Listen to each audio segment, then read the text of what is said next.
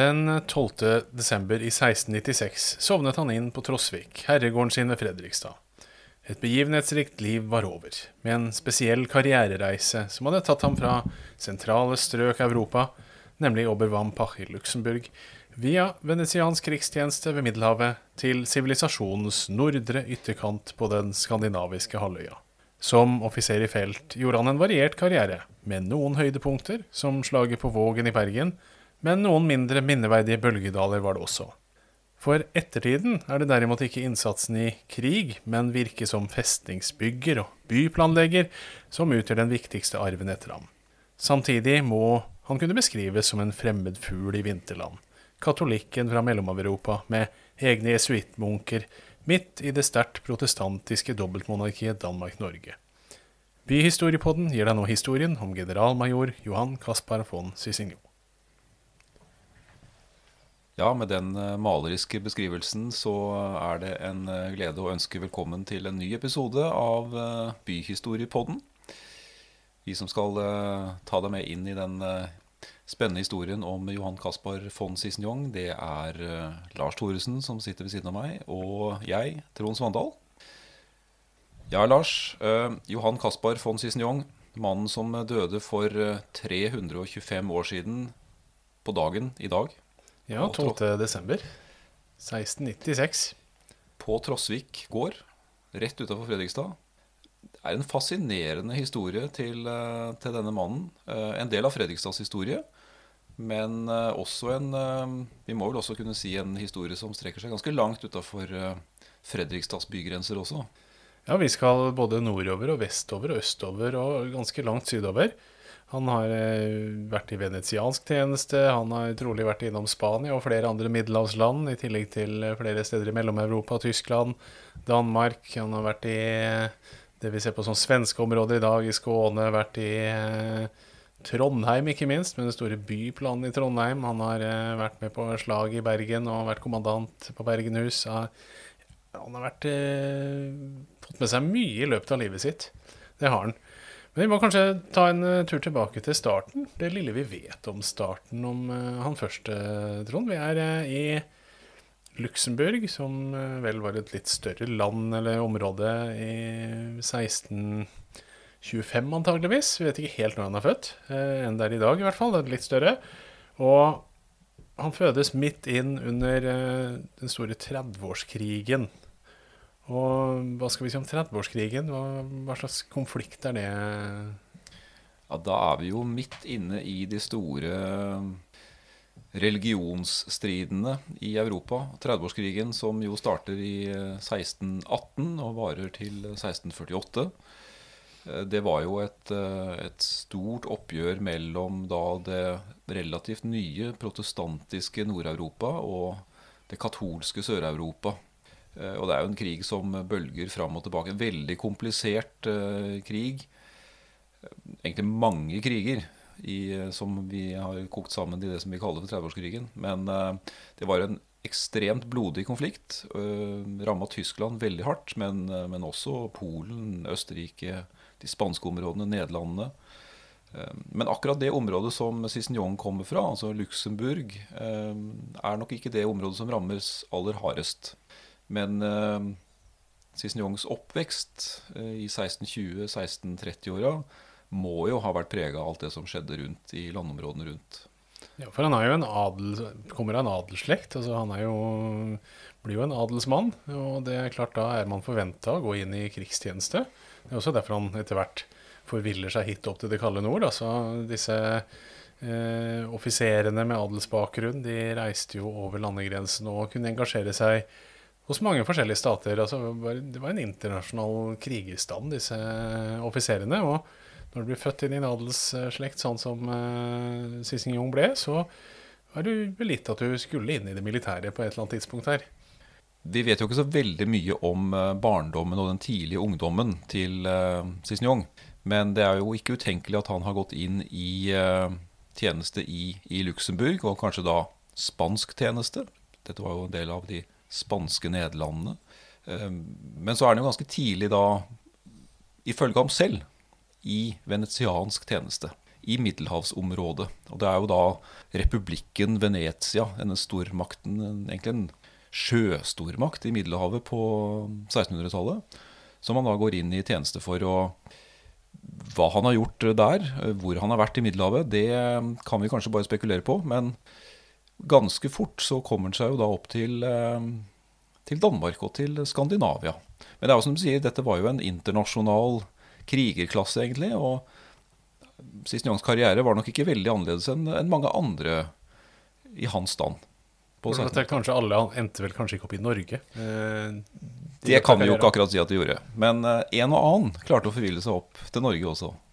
Ikke sant? Og det er klart Han eh, ble jo født antageligvis i 1625, vi vet ikke helt nøyaktig. Men eh, trolig. Det er det som oppgis flest steder, i hvert fall. Og ja, på 1640-tallet så begynner jo han da faktisk å bli eh, i stridsdyktig alder som offiser også. Eh, I hvert fall etter datidens standarder. Sånn, når han kommer da til Danmark antageligvis i 1657 eh, og går i tjeneste for danskene da, så har han jo allerede rukket å ha en viss internasjonal militær karriere. Så han er ikke et helt ubeskrevet blad når han dukker opp i dansk-norsk tjeneste.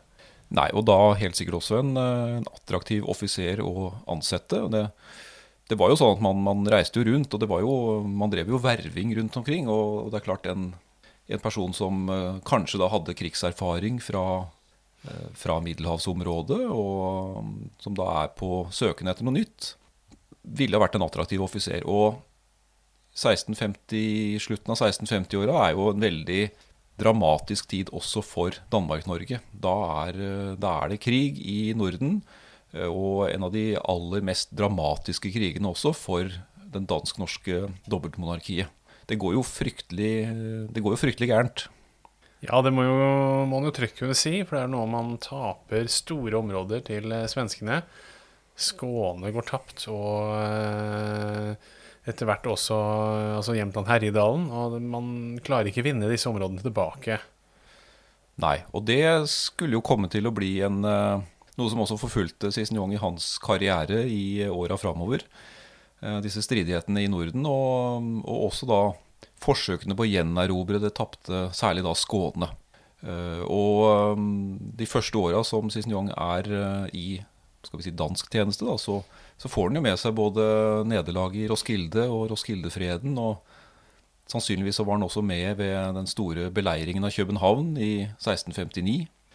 Så det var en veldig Det var en eh, dramatisk tid han kom til Danmark på. Ja, og denne, denne stormen på København, det er jo, det er jo nummer inntil at Danmark egentlig kunne blitt utsletta som stat, eh, mer eller mindre? Ja, det er nok det nærmeste Danmark eh, kom utslettelse. Men de klarte det jo akkurat. København holdt stand, og svenskene trakk seg tilbake. Men eh, Skåne forble jo tapt. Selv om det var mange forsøk på gjenerobring. Ja, for Skåne var jo et uh, usedvanlig rikt og viktig jordbruksland for Danmark, og en viktig del av Danmark. Eh, antageligvis viktigere kanskje enn Jylland og andre deler av Danmark? Ja, kanskje også Norge også, som, uh, som jo var en av danskekongens riker på, midt på 1600-tallet. Så det var et stort slag for danskene. Eh, Ok, han er i Danmark en stund, og der gjør han tjeneste. Litt uvisst av hva han gjør akkurat til hvilket eh, tidspunkt det er, men uh, i 1662 så beveger han seg for første gang til Norge, så vidt vi vet, og da drar han langt vest, til Bergen, hvor han etter hvert da ender opp som kommandant på Bergenhus festning. Ja, og det er jo eh, en interessant utvikling i karrieren. Han kommer da til en av de største byene i eh, Danmark-Norge på den tida her. Det var nok eh, bare København som var eh, større og viktigere. Eh, middelalderbyen Bergen, eh, Bergenhus festning, er jo egentlig det gamle middelalderborganlegget i Bergen som var bygd ut. Eh, og vi kan jo se for oss at Cicignon plasseres dit, kommer dit, med en bakgrunn som, som festningsbygger og som ingeniøroffiser og med en god militær karriere i bagasjen. Man skulle jo også der komme til å oppleve strid. Han kommer til en festning som var ganske loslitt på den tida. Altså, ting tyder på at han har gjort en ganske stor innsats eh, på kort tid for å oppruste Bergenhus og få, få den i stand etter hvert som han blir kommandant her, og få den i mer hvert fall mer stridsdyktig stand da, enn den har vært, og får etablert noen kanonbatterier. Og nok en gang så er denne Cicignon klarer å time en del av de tingene han driver med, ganske bra i forhold til å få vært med på en del dramatikk. fordi nettopp i 1665 så er det jo den eneste gangen vel som Bergenhus festning faktisk er i direkte strid. Og det er jo dette berømmelige slaget på Vågen. Eh, hva er det som skjer der? Det er jo en, en merkelig strid også. Vi er jo da i, eh, i krig med, med, England. Og så er det en hollandsk flåte som vi egentlig da var eh, allierte med. Engelskmennene forfølger denne flåten. De søker ly i eh, Bergens havn inne på Vågen. Og Cicignon, som da er kommandant, han gjør jo det eneste rette. Han, han retter jo da kanonene mot engelskmennene. og og det blir et voldsomt slag. Eh, store tap for engelskmennene. Det litt pikante her var jo da at eh, den danske kongen hadde inngått en avtale med engelskmennene. At de skulle ta denne nederlandske flåten og fordele byttet seg imellom. Veldig merkelig avtale når du da inngår en avtale med fienden. Og litt kjedelig at man da ikke rekker å gi beskjed til kommandanten på Bergenhus i tide. Så Cicignon dundrer jo løs med alt han har av kanoner, og påfører britene, eller engelskmennene, da store tap her. Ja, og så får jo da ikke kongen eh, den gevinsten han skulle hatt, så det er nok en litt beklemt konge som må gi en, eh, en slags påskjønnelse til Cicignon, for han hadde jo gjort det han skulle. Men uh, det er vel ting som tyder på at Cicignon ikke var veldig fornøyd med påskjønnelsen han fikk, tross alt. Nei, altså kongen Vet ikke, den standard uh, på en bjørnetjeneste er vel det Cicignon egentlig gjør kongen her. Så, uh, så her er det mye intriger og renkespill, får vi kalle det det, på, på ganske høyt nivå som Cicignon blir involvert i. Og får jo da fisketollen i Bergen i seks år. Jeg har ikke klart å bringe på det rene hvor stor verdi den egentlig hadde, men vi har i hvert fall fått en klar forståelse av at Cicignon ikke var helt fornøyd med den belønninga. Han hadde håpa på noe bedre. Det var nok ikke det mest ærefulle å få som en, uh, som en militær kommandant, selv om uh, fisketålen i Bergen i 1665 må ha vært ganske betydelig. Men det er, nei, det er helt åpenbart at han ikke er fornøyd med dette her. Og da, hva gjør man da? Da er man litt fornærma. Eh, Sittingham har nok et rykte på seg etter hvert for å være litt vanskelig å stri i en del situasjoner. Kommer i en del konflikter med særlig med litt høyere folk i samfunnet. Og han sier da fra seg denne fisketollen. Den eh, kan ikke tenke seg likevel. Og så ombestemmer han seg litt etterpå når han innser at han kanskje har vært litt dum, og at dette her egentlig var ganske gode penger, kan vi tenke oss. Og da ber han kongen om å få tilbake denne tollen, når han skjønner at han ikke får noen annen utmerkelse. og da sier kongen nei, den får du ikke nå. Så Cicignon er eh, trolig såra av vondbråten, uten at vi har noen detaljerte beskrivelser fra hans hånd eller eh, noen, om akkurat det. Så kan vi vel se for oss at han ikke er veldig happy med situasjonen. Nei, Han var jo fra en tid og en stand hvor dette med ære og militær ære var viktig. Så da kan vi nok se for oss at en, han, han, han, var ganske han var ganske misfornøyd med dette her. Og det går ikke så veldig lang tid før han nok ser seg om etter eh, nye muligheter. Ja, han øh, gjør en eller annen øh, nok en gang pussig avtale hvor han får forhandla med kommandanten eller befalhavnet på, mm, i Nyborg om å få bytte, bytte, bytte tjenestested, rett og slett. Altså de gjør en liten, et lite bytte der. Og Cisnion kommer seg da tilbake til danske områder igjen. og holder på med litt forskjellig der en periode. Og der er de nok en gang konflikter. Han er med på et utfall mot Vismar og havner i konflikt med en del av de lokale stormennene om uh, litt ikke-militære forhold. Mye forretninger og sånn som han krangler med dem om. Så han er stadig vekk en evne til å havne litt i konflikt med noen øvrighetspersoner her. Det ja, tar med seg ditt også. Det kan jo virke som han hadde lett for å, for å gjøre nettopp det. og han var kanskje litt stridbar. Men eh, vel tilbake eh, dansk, på dansk område så, så bryter det ut en ny krig. Eh, og det er jo nettopp krigen for å gjenerobre det tapte Skåne. Skånske krig, eller Gyldenløvefeiden som vi kaller den i, i Norge.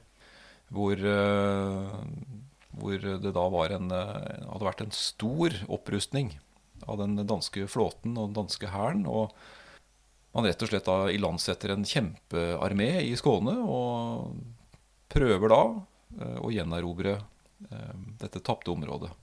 Og der var jo Cicignon med i aller høyeste grad. Og han deltok jo også i et av de største og viktigste slaga i denne krigen.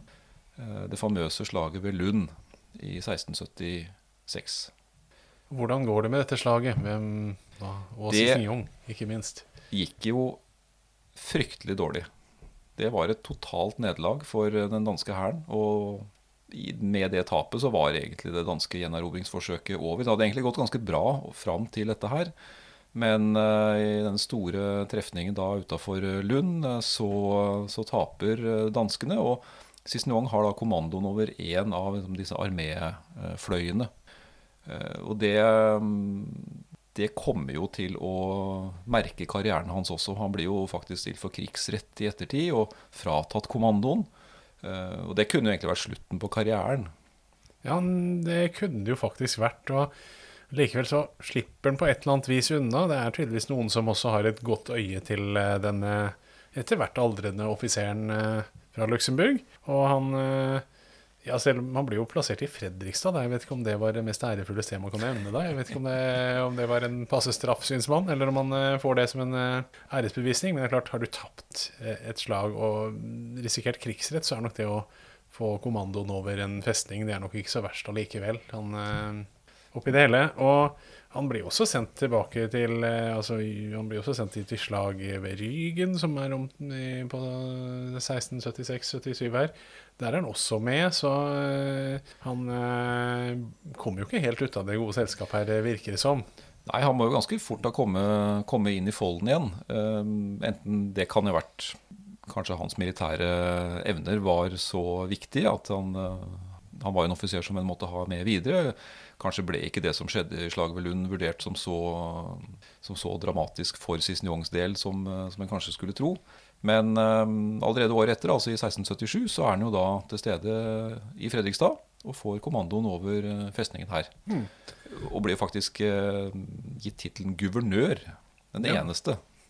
Og det får han etter hvert, men han blir vel, altså først så blir han vel generalmajor, og så blir han guvernør, guvernør som en sånn type ja, rolle hvor han skal ha overoppsyn med alle festningsverka i deler av Norge, i hvert fall. Ja, og det er, jo, det er jo særlig da festningsbygging eller utbygging som uh, må ha vært det han har uh, via seg aller mest til. Ikke bare i Fredrikstad, men, uh, men flere andre av de viktige festningsverka i Norge også. Ja, for det tyder ting på at han også har vært ganske tidlig. altså allerede Han gjorde ting gjorde seg åpenbart bemerka litt i Bergen, med at han tok tak i opprustninga av Bergenhus. Men mens han var i Bergen, ble han vel to ganger faktisk sendt til Bornholm for å mm. se på befestning av Bornholm og komme med sine bidrag der. Så han må jo ha tidligere hatt et visst ry for å ha forståelse for befestninger og planlegging av befestninger, virker det som. Ja, det virker som han har hatt, eh, også hatt en forkjærlighet for eh, kanontårn. Ja, det ville jo ha i Bergen òg, ville ikke det? Jo, eh, det ble ikke bygd noen der, men det fikk han gjort andre steder. Det her kan jo være ting som han har tatt med seg fra, fra karrieren, enten da i Venezia eller ved Middelhavet eller andre steder. Eh, han må jo ha hatt en kunnskap om befestningskunst som han neppe har lært eh, bare ved det korte oppholdet i Danmark. Eh, og det er Han fremviser jo en, en stor kunnskap nettopp om det å bygge ut befestninger. Og Det som gjøres i Fredrikstad, er jo eh, en viktig del av utbygging av festningsverkene. For her bygges jo både skanse ved Fergested, altså det som blir Sissenjong-skansen, eh, Akerøy fort eh, på Hvaler, og fremfor alt det store Kongsten fort øst for hovedfestningen. Majestetisk verk som er plassert på en spesiell plass for det, og en innføring av en ny tradisjon i festningsbygginga i Norge, med disse utenverkene Det har ikke vært så vanlig før han begynner med dette, tror jeg. Nei, og det, det er jo noe Cicignon er en eh, skal vi si, forkjemper for, men, eh, men, det har jo vært viktig da i hans, eh, hans befestningskunst. Vi ser det jo veldig tydelig i Fredrikstad, og vi kommer jo også til å se det i, i Trondheim. Og utenverker, det vil jo si at man da har en, i og for seg en hovedfestning, men altså at man bygger flere såkalte detasjerte verker, altså utenverker, som ligger et stykke unna for å uh, starte forsvaret av hovedfestningen før man egentlig kommer fram til selve hovedfestningen. Uh, er det en halvgrei forklaring på det? Ja, det var jo et viktig poeng å holde fienden unna hovedfestningsvollen så lenge som mulig.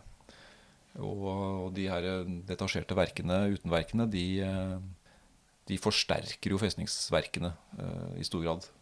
Så da har han bygd ut litt i Fredrikstad. Både dette festnings, lille festningsverket på vestsiden av elva, som fikk hans eget navn, og Kongsten fort, og han uh, begynner å planlegge etter hvert. Men midt oppi dette her, hvordan han begynner så smått karrieren sin i Fredrikstad, så skjer det noe dramatisk i Trondheim. Trondheim gjør det ganske mange byer er ganske gode på i tidligere tider, nemlig å brenne. Og Trondheim brenner ned til grunnen i 1681. I hvert fall mye av byen brenner. Og da må man gjenoppbygge byen og legge en ny byplan. Og da er det Sissing Jong skal ut på tur og legge denne store byplanen for Trondheim. Hva går den planen ut på? Hvordan skal vi beskrive den? Ja, dette er jo kanskje noe av det Cicignon er eh, mest berømt for i eh, norsk historie. Denne bybrannen var jo, eh, som du, som du, sier, det ødelegger Trondheim eh, nesten totalt. Dette var jo den gamle middelalderbyen Trondheim med typisk bystruktur som det var, med trange gater, veiter, og som ikke var av en moderne karakter. Her kommer jo Cicignon da inn med sine nye ideer, med brede gater, tydelige kvartaler, en kvartalstruktur. Eh, og tegner da en helt ny byplan. Eh, fjerner det aller meste av den gamle bystrukturen. Eh, lager egentlig fire hovedkvartaler i byen. og Nå er vi da i Midtbyen, det innerste bysentrum i Trondheim. Og med veldig brede gater, særlig da denne Munkegata som går fra domkirka, fra Nidarosdomen, og hvor du da ser Munkholmen i andre enden ute i fjorden. Og det har vel, eh, kan jo kanskje tenke seg at dette har litt sånn militært preg. Da. Det er sånn voldsomt brede gatene. Som en ser også i andre byer med brede avenyer. Dette er også ting, ideer i byplanlegging på 1600-tallet. Her er vi mer inne i det vi kanskje kan kalle barokk byplanlegging. Som tidligere har vært mer i sånn renessansebyer. 100 år tidligere så er vi over i mer barokk stil på byplanlegginga, som man gjerne sier. Ja, og jo, det blir jo ganske grandiost. For langs disse brede gatene, nesten avenyene, så bygges det jo etter hvert store trepaleer. Og det blir et, eh, et veldig europeisk preg på Trondheim. Den gamle middelalderbyen er for alltid borte med Cicignones byplan. Og det er, jo, det er, jo, flott i midtbyen i Trondheim, da, Trond, det må vi vel kunne si? Ja, det er en utrolig flott og vakker by. Og ikke minst er disse disse brede gatene det har jo en viktig funksjon. Mulig de kan ha hatt noen tanker bak det i forbindelse med krigstid, men særlig det med branner blir jo ganske effektivt hindra fra å spre seg mellom kvartaler når man har såpass brede gater at det demper en del av den faren for en altutslettende brann som eh, ofte har eh, vært en utfordring for mange norske byer med trehus og ja, tross alt ikke dagens mulighet for brannsikring på 1600-1700-tallet. Nei, og der var jo brede gater en av de mulighetene en faktisk hadde til å i hvert fall hindre brannen i å spre seg så fort. Så mm, var det jo også et element i tillegg til si, byplanen og gjenoppbygging av den sivile byen. Det, Trondheim blir jo også en festningsby. Det er jo store befestninger rundt Midtbyen, langs uh, Nidelva. Og så er det jo da dette store festningsverket på utsiden, øst for byen, som jo faktisk får et kanontårn, nemlig Kristiansten festning. Og da vi jo, må vi jo snart eh, nærme oss eh, skal vi si, stormens øye her. Og det er jo egentlig en diskusjon også rundt Cicignon. Altså hvor mye er det han gjør, og hva gjør han? Det er vel kanskje det historikere har diskutert mest når det gjelder eh, Cicignons virke. Altså hvor sentral har han vært i disse planene, og, hvem, og hva er det andre har gjort? Eh, det har vært et sånt stridstema og diskusjonstema lenge. Vet ikke hva vi skal konkludere med der, Trond. Hva, hvor, eh, hva, tenker vi? Nei, det er, vel, eh, det er vel ikke lett å si, i hvert fall hvis, hvis vi går ned på detaljnivå. Det sier ikke kildene alt om. Men både byplanen i Trondheim virker vel som Cicignon er mannen som har de store ideene, men kanskje ikke den som gjør den praktiske gjennomføringa, stikker ut gatene og gjør eh, ja, den praktiske jobben. Vi har også et eksempel her fra Fredrikstad med Kongsten fort, hvor Cicignon åpenbart har ideen om festningsverket, mens det er kommandanten van der Pforten som tilpasser Cicignons idé til de faktiske forhold. Og det, er, det gjøres ganske store endringer på hvordan Kongsten fort ser ut i dag, og hvordan Cicignon opprinnelig så det for seg. Og hvis vi ser på Trondheim, så, så var ikke Cicignon alene der heller. Derfor der er det Antony Corseron som, eh, som eh, kanskje gjør mesteparten av jobben, egentlig. Og eh, man har vel sett en del på tegningene til Corseron at det er ganske åpenbart at det er tegnestilen han som går igjen i detaljplanlegginga her, og at det er han som står for mye av, mye av gjennomføringa. Noen vil vel egentlig legge mer av eh, skylda på Corseron for denne flotte byplanen enn for Cicignon, når man har fått sett litt mer på detaljene her. Og man diskuterer jo om det bare var litt tilfeldig at det var Cicignon som satt, uh, satt, navnetrekket sitt på denne byplanen, at det vel så gjerne kunne vært Corseron som har jo tross alt ikke er helt uh, uten bakgrunn fra festningsbygging og festningsplanlegging, han heller. Han er jo litt arvelig belasta. Ja da, både, både, far og sønn, eh, Wilhelm og Antoni, eh, har vært eh, viktige for både by- og festningsplanlegging i Norge. Så, så det, var noe, det, var ikke noe, dårlig navn. Men det var vel Cicignon som hadde høyest rang. Og det er han som har signert på byplanen som kongen godkjenner, så det betyr jo litt. Det betyr jo litt. og når vi ser på det Cicignon rekker i løpet av, i løpet av sin karriere, og han er jo etter hvert ganske mange steder involvert i festningsbygging, festningsplanlegging. Altså, så, så, er han kanskje mer, mer eh, visjonær enn praktiker, kanskje. Jeg vet ikke om det er en riktig beskrivelse. At han sitter med mange av de ideene om hvordan dette her eh, kan og bør gjennomføres, og så er det andre som da får oppdraget med å faktisk gjennomføre det og stedstilpasse det etter hvert som man uh, oppdager problemer og utfordringer og må gjøre justeringer for å få dette her til å gå i hop. At eh, kanskje det er en passe beskrivelse av Cicignon. At han, eh, han, han, står for mye av det overordna, andre gjør det praktiske arbeidet. Jeg tror nok vi er eh, inne på noe, noe der, jo.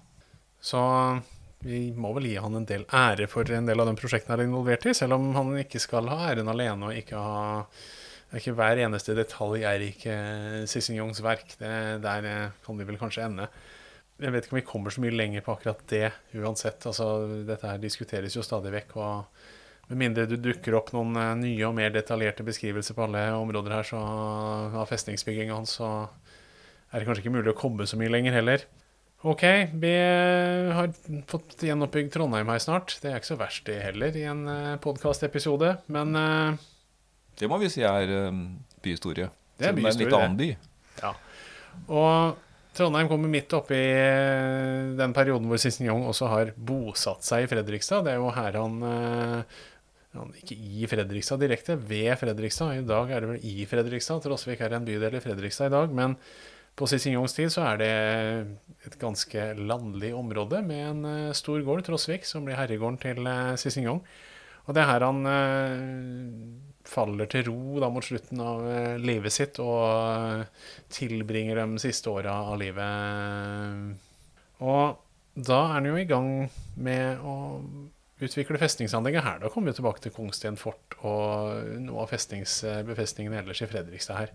Hva er det han gjør i tillegg til Kongsten fort her og Sissingjong-fortet? Han eh, bidrar han ellers også på festningen med utbyggingen? Han har nok hatt en hånd på, på en del av de andre mindre utvidelsene, eller skal vi si forbedringen av festningsverket også. Og, eh, men det er jo de store utenverkene som, eh, som står igjen fra hans tid. Eh, og det var viktig, og det var store arbeider også. men så er det jo en annen side ved Cicignon i Fredrikstad som kanskje er like spennende, men som er mer ukjent. Ja, fordi det er nettopp det at han bor her og tar med seg uh, sine særegenheter hit, som gjør at han nok har en litt annen historie kanskje i Fredrikstad enn det han har fått mange andre steder. At uh, her slo han seg til ro og etablerte seg. Og han var vel, vi må vel kunne kalle Sissingong en uh, stor fisk i en liten, liten dam her i Fredrikstad. Det kan vi vel hevde. Ja, selv om eh, Fredrikstad selvfølgelig var en festningsby og hadde et internasjonalt preg, så, og, og kanskje på 1600-tallet var en liten verdensby, så um, har nok Cicignon definitivt vært en, en fremmed fugl. Um, han kom fra et annet land, det var det mange som gjorde i Fredrikstad. Men han var katolikk i utgangspunktet uhørt i det veldig strengt protestantiske Danmark-Norge. Men det lot man vel kanskje gå litt gjennom fingrene med det hvis, eh, hvis man ikke praktiserte. Men Cicignon, han praktiserte. Han praktiserte i aller høyeste grad. Eh, og ikke bare det at han personlig praktiserte katolisismen. Han fikk til og med brakt opp jesuittmunker til Trosvik. Og det var mer enn eh, både den lokale sognepresten og biskopen i Kristiania kunne tåle. men men Cicignon var general. Eh, han var en viktig person. Han var god venn med både stattholder og kjente kongen også, så, så dette gikk greit. Og han flytter til Trosvik i 1679, og sannsynligvis samme år eller året etter så, så er de første jesuittene på plass og dette er jo en, veldig fascinerende historie. Gjennom da flere år, helt fram til uh, begynnelsen av 1690-åra, så er det da en, en katolsk uh, Egentlig en liten katolsk misjonsstasjon i Fredrikstad. Uh, med ganske permanent tilstedeværelse av jesuitter. Fredrikstad får til og med da i 1682 et eget privilegium, religionsfrihet innafor bygrensene litt problematisk siden Trosvik ligger litt på utsiden av by, den gamle bygrensa. Men, men dette, dette, gikk åpenbart greit. Så så Cicignon feirer katolske messer. Vi hører en julefeiring med mysteriespill på gården. Eh, jesuittene de, de, er ikke bare der for Cicignon. Man, man møter mange andre. Eh, det er beskrevet uh, katolske messer hvor det deltar folk fra store deler av Norge. For det, altså, det fantes jo katolikker i Norge. Uh, både hemmelige og mer, min, mer, eller mindre hemmelige. Og dette her uh, dette har man selvfølgelig sett på med bekymring.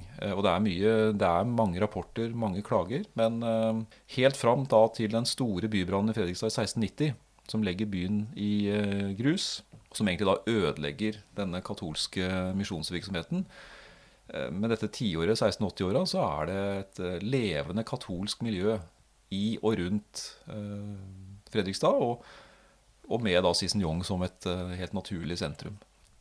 Det er mange sider ved dette her vi ikke vet. Og en av de kanskje merkeligste spora i dag, det er jo disse inskripsjonene på Trosvik-eiendommen. Rundt om Det var en ganske stor eiendom rett nord for Fredrikstad. Rundt på eiendommen så er det jo mange inskripsjoner i fjellet. Alt fra bare navnetrekk, hvor det står Cicignon. Veldig ofte står det året 1680. Det var jo rett etter at han tok over eiendommen. Eh, men flere av inskripsjonene har jo helt åpenbart katolsk eh, innhold. Det er bønner til jomfru Maria. Det er eh, Ja, altså det er det man fra luthersk side ville kalt ren papisme. Altså Dette er nesten katolsk propaganda. Mm. Vi vet ikke hvordan det har blitt brukt. Kanskje har det vært bønnesteder, kanskje har det bare vært for å markere eiendommen. Vi vet ikke. Men det er en utrolig fascinerende side av Sissen Youngs virke. Ja, så man kan uh, gå rundt og finne frem til i dag òg, i hvert fall hvis man vet hvor de er. For de ligger ikke alltid veldig lett tilgjengelig. Man må Neida. Ofte lete dem fram under litt kratt og uh, borti noen fjellsider og inne i hager, mer eller mindre. Flere ligger inne i haver, noen ligger oppå fjelltopper. Uh, så, så ligger ikke, alle ligger ikke veldig lett tilgjengelig. Men uh, de er veldig fascinerende. Det er virkelig en sånn fascinerende personlighet og historie som kommer fram med Cicignon. I hvert fall når vi også ser på personligheten, altså hvordan han holdt på å styre rundt her i Fredrikstad. Det, det er morsomt å rippe opp igjen litt gamle minner eh, fra ting man har lest og holdt på med her tidligere. Ok, vi begynner å komme i mål med Cicignon. Han, eh, når han er ferdig med Kongsten eh, fort og den utbygginga på 1680-tallet, så gjør han ikke så veldig mye mer av seg som fortifikasjonsoffiser. Men han bidrar jo en del vel gjenoppbygginga etter denne bybrannen i 1690, så vidt vi vet. Gjør han ikke det? Jo, det, det, gjør han. Og det er klart, han var jo en en sentral person i byen. Og gjenoppbygginga da i begynnelsen av 1690-åra har han vært med på. og Da begynte han jo å bli en aldrende mann. Eh, noen år tidligere så hadde han jo vært og tatt imot eh, kong Kristian 5. da han kom på besøk hit. Eh, så han var nok byens aller fremste person. Den høyest rangerte. Det var en prominense her. Definitivt. Og som nok eh, kan vi kanskje si var, eh, var mer prominent enn det byen kunne gi en ære for. Men uh, helt fram til, til, han dør da i 1696, så, så er det klart han har, han har spilt en viktig rolle og vært en, en veldig dominerende personlighet i Fredrikstad. Ja, Han forsvant ikke i mengden her. Det, det skal man vel ikke beskylde ham for. Han skjønte vel i januar 1696 så skjønte han at nå nå begynner dette å gå mot slutten. Da ble han sjuk og sa fra seg litt det han hadde av plikter. Og forberedte seg vel rett og slett uh, på døden mesteparten av 1696. Eh, og vi sitter jo i et gammelt hus i flere spiller i Nåtron, og det er jo ikke, det jo ikke ekstremt varmt på føttene her. Og jeg kan se for oss at det vel ikke var eh, ekstremt varmt og koselig alle steder på Trosvik heller. Eh, selv på en storgård eh, på den tida her, så var det nok guffent å ligge for døden også i Fredrikstad anno 1696, kan vi se for oss, kanskje. Ja, disse herregårdene på 1600-tallet var ikke kjent for å være veldig varme. Det var nok både trekkfullt og det ene med det andre. Så når han ligger der da i begynnelsen av desember og er nok i ferd med å sovne hen, så så har det nok vært en uh, hustrig tilværelse. Men uh, hvordan det har foregått, det vet vi jo ikke. Har ikke noen detaljer om det, dessverre. Hvis vi skal oppsummere livet til uh, arven etter Cicignon Han vet ikke, kanskje I Fredrikstad så har han jo flere gater som er oppkalt etter seg bydel. Han har et synlig fort, men han er kanskje mer på en måte mer levende til stede da i Trondheim. Eh, I og med at eh, største, altså bysentrum, altså Midtbyen, den flotte Midtbyen er utforma der, er tusenvis av mennesker som ferdes midt i Cicignon, eventuelt Corserons verk, hver eneste dag. Eh, så der lever man midt i Cicignons eh, byplan. Her i Fredrikstad litt, må man oppsøke stedene mer, kanskje. Men eh, begge, særlig disse to byene, Trondheim og Fredrikstad, preges av eh, Cicignon på hvert sitt vis. Eh, Bergen og andre steder han var, preges nok litt mindre, men uh, han har satt spor etter seg der òg. Eh, er det noe mer vi må ta med i denne lille oppsummeringa siste gang? Nei, jeg syns du hadde en veldig god oppsummering der. Og en markant skikkelse fra sin tid, med en aldeles fantastisk historie og karriere men som nok, eh, med unntak av i Trondheim og Fredrikstad, nok eh, har blitt litt glemt. Som gjelder mange. gjelder mange. Men i våre to byer så er den jo definitivt ikke glemt. Og så er det fascinerende hvis vi skulle når vi har vært gjennom et ganske langt livsløp. altså Drøyt 70 år på den tida. Det er jo ikke det er en anstendig alder i den perioden her.